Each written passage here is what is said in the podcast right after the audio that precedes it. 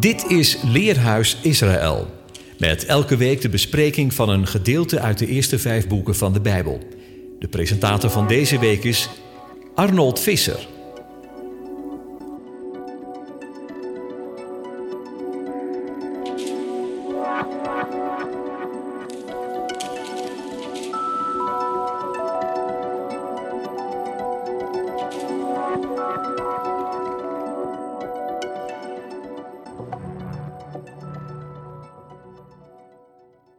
Beste luisteraars, hartelijk welkom bij weer een uitzending van het Leerhuis.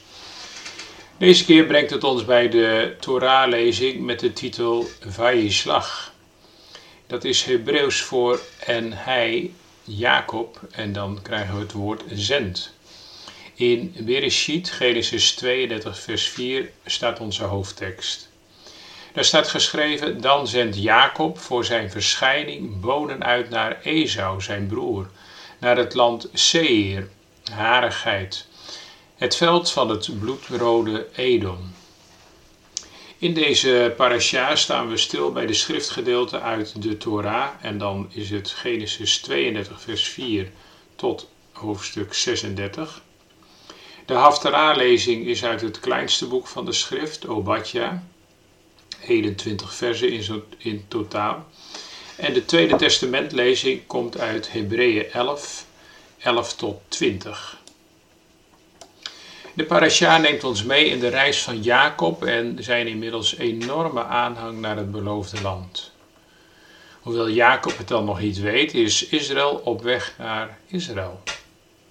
Maar alvorens dat gaat gebeuren, wacht eerst nog een loodzware ontmoeting en zal Jacob de strijd moeten aangaan. Dan nog helemaal goed van lijf en leden en in eigen kracht steeds opererend. Vervolgens daarna gehandicapt en werd niet zijn hiel gelicht, maar zijn heup ontwricht. De ontmoeting met zijn broer Esau is dichtbij, nadat hij deze 22 jaar geleden ontvlucht was naar de zegening. Ook in die strijd ging hij toen aan in eigen kracht, hoewel hij werd bijgestaan door zijn moeder Rebecca. Een list was volgens hun nodig om Jacob het eerste geboorterecht te laten verkrijgen. De belofte van de eeuwige bij de geboorte gaf niet voldoende zekerheid voor hun, namelijk dat de oudste de jongste zou dienen. Na de zegening door vader Isaac zijn zowel Jacob als Esau in de jaren daarna enorm gezegend. Ze zijn zeer welvarend geworden. Een teken van trouw van de ene die doet wat hij beloofd heeft. Jacob ziet de hernieuwde ontmoeting met zijn broer na zijn vlucht uit het ouderlijk huis met angst en beven tegemoet. Hij vreest het ergste en, dat is begrijpelijk, want Esau zijn laatste woorden aan Jacobs adres waren dat hij hem zou vermoorden. Voor de confrontatie herinnert Jacob de ene aan zijn verbond. In Genesis 32, vanaf vers 10 tot 13 lezen we: Dan zegt Jacob God van mijn vader Abraham, God van mijn vader Isaac, ene, die tot mij gezegd heeft: keer terug naar je land, je geboortegrond. Ik zal het goed met je maken. Te klein ben ik voor alle bewijzen van vriendschap en alle trouw die gij hebt bewezen aan uw dienaar. Want met slechts mijn stok bij me ben ik deze Jordaan overgestoken. En nu ben ik geworden tot twee legers. Ontruk mij toch aan de hand van mijn broer, aan de hand van Esau, want ik ben bevreesd voor hem. Dat hij komt en mij verslaat, moeder en zonen erbij. Zelf hebt gij gezegd: Goed, heel goed zal ik het met je maken. Je zaad zal ik maken als het zand van de zee, dat niet te tellen is zoveel. Om Esau gunstig te stemmen, neemt Jacob diverse voorzorgsmaatregelen. Hij verdeelt zijn mensen in groepen en zendt ze met rijke geschenken vooruit. Vlak voor de ontmoeting overnacht hij in zijn eentje en vecht met een onbekende man, die Jacob later associeert met de eeuwige. Daarna volgt de verzoening met Esau en sluiten ze elkaar in de armen. Ze trekken niet verder samen, want Jacob verkiest ervoor om zijn tenten op te slaan bij Sichem, een plaats die we vaker in de schrift tegenkomen. Vervolgens lezen we dat de prins van deze stad wil trouwen met Jacob zijn dochter Dina. Dit nadat er gemeenschap is geweest. Ogenschijnlijk stemmen de zonen van Jacob hiermee in. Maar dan moeten de mannen van de stad zich eerst laten besnijden. De prins en de mannen gaan akkoord, maar via deze list nemen Simeon en Levi, de broers van Dina, op de derde dag na de besnijdenis wraak. De mannen waren nog ziek van de besnijdenis en worden omgebracht en vervolgens plunderen ze de stad. Dit tot groot verdriet van Jacob. Daarna zegt de ene dat Jacob verder moet trekken, wanneer hij zijn tenten opslaat in Bethel, het huis van God met deze betekenis. De plaats ook waar Deborah, de voedster van Rebecca, overlijdt. Daar brengt Jacob ook offers en neemt hij maatregelen tegen afgoderij. Vervolgens laat de eeuwige zich opnieuw zien in Paddan Aram en zegent hem. Wederom zegt de ene dat zijn naam niet langer Jacob is, hij ligt te hiel, maar Israël, strijder voor God. De ene geeft hem de zegenrijke belofte voor het volk en de volkeren. Er staat, ik ben de ene, de Almachtige, draag vrucht en wees overvloedig. Een volk, een verzameling van volkeren zal er uit jou worden. Koningen zullen uit je lendenen voortkomen. Het land dat ik heb gegeven aan Abraham en aan Isaac geef ik aan jou. En aan je zaad na jou zal ik het land geven. Dan, dan stijgt de ene op van hem in het oord waar hij met hem gesproken heeft. Weer verder trekkend komen ze in Efrata's velden bij Bethlehem, het brood en het geboortehuis van het brood des levens. Maar ook een plaats van droefenis voor Jacob, omdat daar Rachel, zijn zeer beminde vrouw, het leven laat in het kraambed. Stervende zegt zij nog Benoni, ongelukskind. Maar Jacob roept het uit, Benjamin, lievelingszoon, waarmee de zonen, stammen van Israël gevormd zijn en een twaalftal worden. Later zou datzelfde Bethlehem het toneel zijn van een nog veel groter drama wanneer koning Herodes alle kinderen tot twee jaar daar en in het gebied daaromheen laat opbrengen uit vrees voor de geboren vredevorst. Waarmee de woorden in vervulling gaan van de profeet Jeremia. Een stem is te horen in Rama, een weeklacht en bitter geween. Rachel die weent over haar kinderen en zich niet wil laten troosten, omdat zij er niet meer zijn. Nog één keer lezen we over een hereniging tussen de broers Jacob en Esau.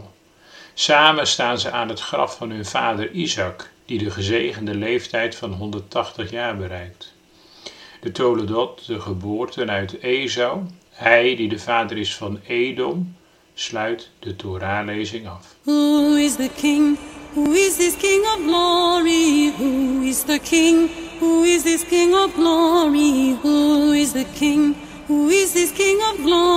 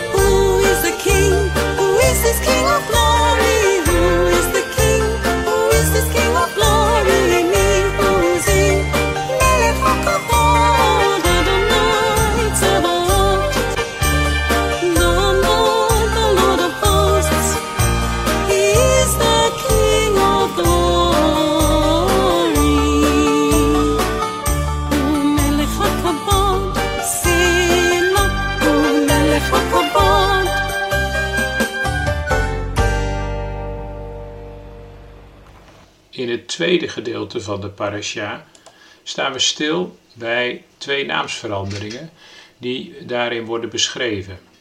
Zoals we weten wordt Jacob Israël en Ben-Oni wordt Benjamin. Er staat, en zo was het als haar ziel vertrekkend was, want zij stierf, dat zij de naam Benoni noemde, maar zijn vader noemde hem Benjamin. Rachel stierf voortijdig als gevolg van de vloek die Jacob uitsprak tegen de persoon die Labans afgoden had meegenomen. De kracht van woorden is groot en we doen er goed aan om na te denken voordat we ze uitspreken.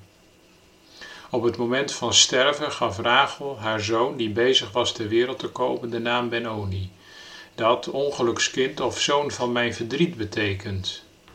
Maar Jacob veranderde zijn naam in Benjamin, dat lievelingskind of zoon van de rechtse zijde of hand betekent. In de geografie van de Torah is het oosten altijd op de, aan de bovenkant.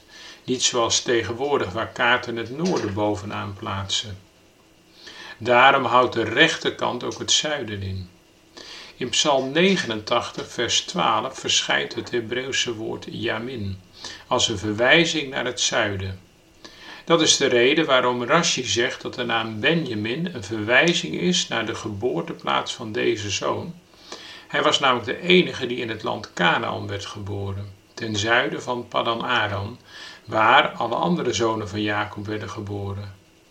Jacob wilde niet dat het verdriet over het verlies van zijn geliefde vrouw hem zou verhinderen van het doel te bereiken dat hij in gedachten had. Het verlaten van het huis van Laban. Hij wilde bij zijn vader Isaac komen in het zuiden. Daarom, zegt Rashi, veranderde hij de naam van Rachels tweede zoon om aan te geven dat verdriet zijn zoon niet zou karakteriseren, maar de visie die voor hem lag. De verandering van naam laat ons zien hoe belangrijk deze visie voor Jacob was. Het was slechts een kleine afstand tussen hem en zijn doel, daar waar zijn vader was in Hebron, dat niet ver is van Bethlehem. En in Genesis 35, vers 27 lezen we tenslotte dat Jacob zijn doel bereikt. We mogen hierbij voor ogen houden dat wat er ook op onze weg komt, we steeds niet moeten vergeten om ons doel niet te verliezen. We moeten blijven vasthouden aan de belofte van de eeuwige. Dit brengt ons bij de tweede naamsverandering. Jacob wordt Esau. Bij de naam in het Hebreeuws, Israël, zien we gelijk iets moois terug. De eerste letters zijn namelijk synoniem aan de namen van de aartsvaders en moeders. Jacob en Yitzhak beginnen elk met een Jud, Sarah begint met een Shin, Rachel en Rivka beginnen met een Rees, Abraham met een Alef en Lea met een Lamet. Aartsvader staat in het Grieks voor patriarchen. In handelingen 7, 8 en 9 worden ook de twaalf zonen van Jacob aartsvaders genoemd. Het voorvoegsel aard is afgeleid van het Griekse woord arge, wat betekenis heeft van eerste, voornaamste, fundament, aanvoerder. En dit zien we terug bijvoorbeeld in de woorden als aartsengel, aartsbisschop en architect. Wanneer we kijken naar de zonen en laten de stammen, zogezegd wat nog een familie was in Genesis en in Exodus een volk is geworden, dan valt op dat de volgorde van de zonen wisselend in de schrift wordt toegepast. Kijken we bijvoorbeeld naar de volgorde van de stammen naar geboorte in Genesis 35 en plaatsen we dan Genesis 49 daarbij bij het zegenen, of kijken we in nummer 1 vers 20 bij het tellen, of de legering rondom de tabernakel in nummer 2, dan zien we steeds weer een andere volgorde. Zoals gezegd komen we de naam Israël voor het eerst tegen in Genesis 32. De betekenis van namen is in de Bijbel vaak belangrijk en zeker voor de namen die God zelf gegeven heeft. En met de naam Israël is het helemaal een bijzonder verhaal. De naam wordt uitgelegd, want u hebt met God en met mensen gestreden en hebt overwonnen. Israël is een erenaam, maar er zit ook een grotere spanning in en achter. Hij worstelde met God en God met hem. Jacob kwam daarvoor voor het leven getekend uit de voorschijn. Hij bleef mank, maar belangrijker is dat hij gezegend is. Daar spitste de strijd zich op toe. Ik laat u niet gaan als u mij niet zegent. Hij moest toen wel eerst met zijn naam Jacob voor de dag komen. Als Jacob streed hij op een verkeerde manier om Gods zegen, om die aan Esau te ontfutselen. Niet voor niets heet hij Jacob, hij heeft mij, Esau, nu al twee keer beetgenomen, lezen we in Genesis 27 en in Hosea 12. Tegen die achtergrond is des te sprekender dat en hoe hij een nieuwe naam kreeg. Voor Jacob zelf, maar ook voor zijn volk. Dat mag en dat moet komen voor het aangezicht Gods. Het verkrijgt zijn zegen, maar het gaat niet zonder worsteling en, wat Israël betreft, mank gaan. De geschiedenis gaat verder met de kinderen Israëls, de Israëlieten. Dat is vanaf Exodus eeuwenlang de naam voor de nakomelingen van Abraham, Isaac en Jacob. Uit Abraham zijn ook nog andere volken voortgekomen. Jacob was de stamvader van het ene volk, van de twaalf zonen van de twaalf stammen. Een grote verscheidenheid, maar toch één volk, Israël. Waarvan de Heere zegt, Israël is mijn zoon, mijn eerstgeborene. Op allerlei manieren zien we de liefde en de zorg van de Heere voor zijn volk. Hij heeft dit volk verkozen. Niet omdat het iets bijzonders was, juist niet, maar omdat hij hen lief had en om zijn trouw aan de vaderen. De Heer heeft Israël apart gezet om een heilig volk te zijn. Helaas ging het binnen de kortste keren mis. Het gouden kalf en ook de verdere geschiedenis, daar lezen we over. Keer op keer alle reden om het Israël te breken. Toch doet hij dat niet. Er is sprake van blijvende liefde en trouw. Tot en met de dagen van Salomo gaat het bij Israël om één volk. Na Salomo's dood wordt dat verdeeld. Twee stammen blijven onder het koningshuis van David, Juda en Benjamin. Dit rijk wordt naar de grootste stam Juda genoemd. Tien stammen scheiden zich af. En voor een tijd wordt de naam Israël dan voor dit rijk gebruikt. Het is de hoofdmoot. Het kleinere twee-stammenrijk staat in de schaduw. Maar het tien-stammenrijk Israël gaat de mist in. In 722 voor Christus wordt het onder de voet gelopen door de Assyriërs. De inwoners worden gedeporteerd en er blijft schijnbaar niets van over. Maar dan komt de naam Israël weer boven in het zuidelijke rijk, Juda.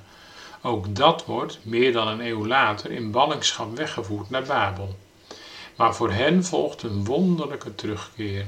En dan horen we Ezra spreken over de Israëlieten die uit ballingschap teruggekeerd waren. Ook het tienstammenrijk, wanneer het compleet verdwenen lijkt te zijn en van het tweestammenrijk slechts een rest is teruggekeerd, blijft het gaan en om Israël. Die naam lijkt te mooi en te groot voor wat nog resteert. Maar het blijft wel klinken bij de profeten en in de psalmen. En dan klinkt die naam daar meer en meer naar een bijzondere geschiedenis, een bijzonder stempel en ook een bijzondere toekomst. Het gaat om het volk, het volk van de God van Israël. Zo is Israël de naam waar het geloof in God mee klinkt en de hoop op zijn toekomst en de liefde tot zijn volk. In het Tweede Testament zingen Maria en Zacharias van zijn trouw aan Israël. Yeshua is gezonden tot de verloren schapen van het huis Israël. Ook na Pasen en Pinksteren wordt het evangelie allereerst op Israël gericht. Velen uit Israël kwamen tot geloof, maar al met al was dat toch slechts een kleine minderheid van het volk. Ondertussen kwam wel na een tijd een toestroom vanuit de volkeren naar de God van Israël op gang. Zij mogen helemaal bij het volk van God gaan horen. Geen vreemdelingen en bijwoners meer, maar medeburgers der heilige en huisgenoten Gods. Een wonder waar we niet genoeg voor kunnen danken. Maar dat is nog niet hetzelfde als dat oude Israël, nu vervangen voor een nieuw volk van God, dat er later van gemaakt werd. De kerk zou in plaats van Israël gekomen zijn als het nieuwe geestelijke Israël, het ware volk van God, het oude Israël zou hebben afgedaan. In Romeinen 9, vers 11 horen we Paulus daarmee worstelen met het nee van Israël tegen Yeshua als de Messias. Gaat daarmee een streep door alles? Heeft God zijn volk verstoten? Geen zins.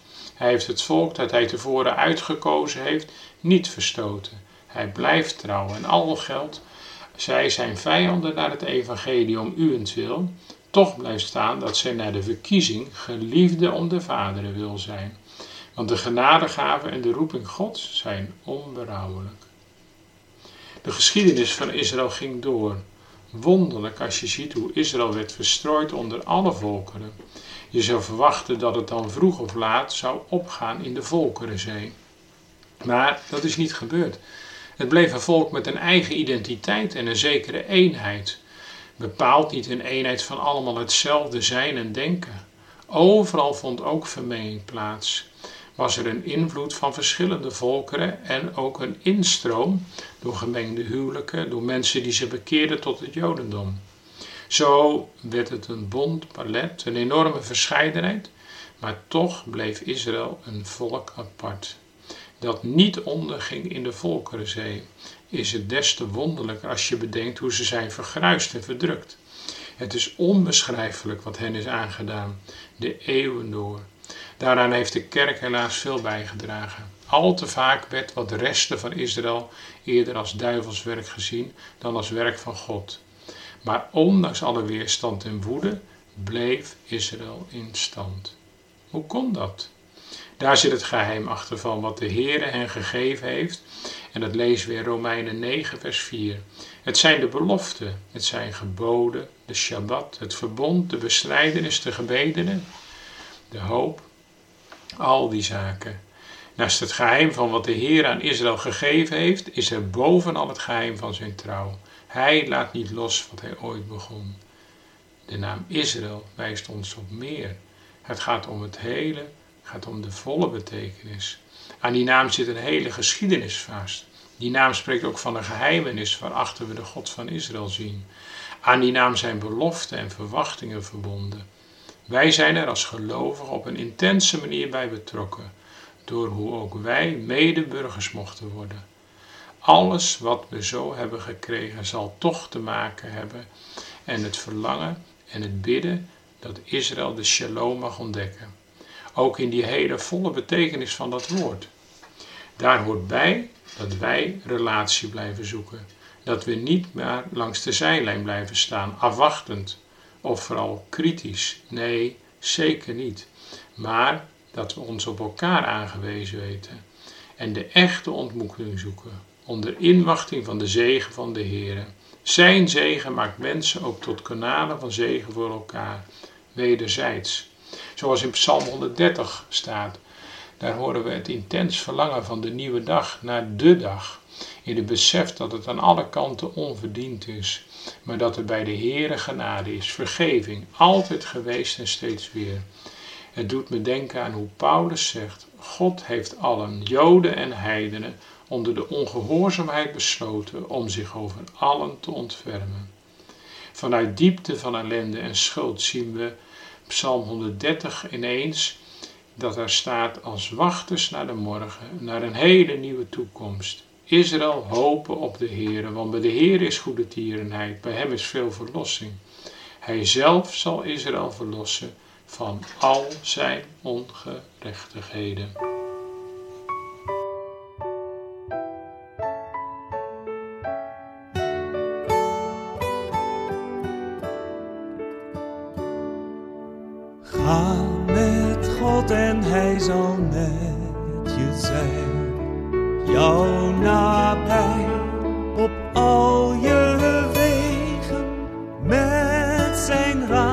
En troost en zegen.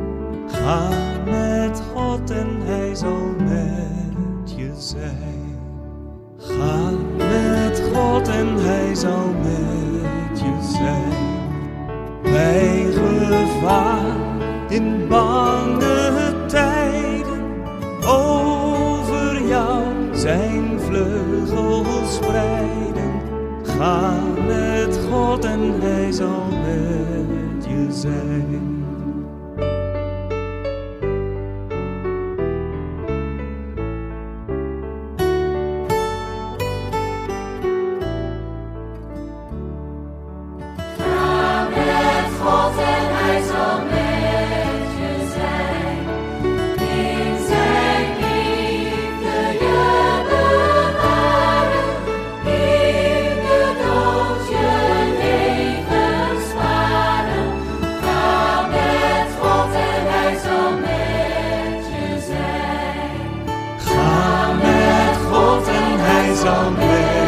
Je zijn. Tot wij weer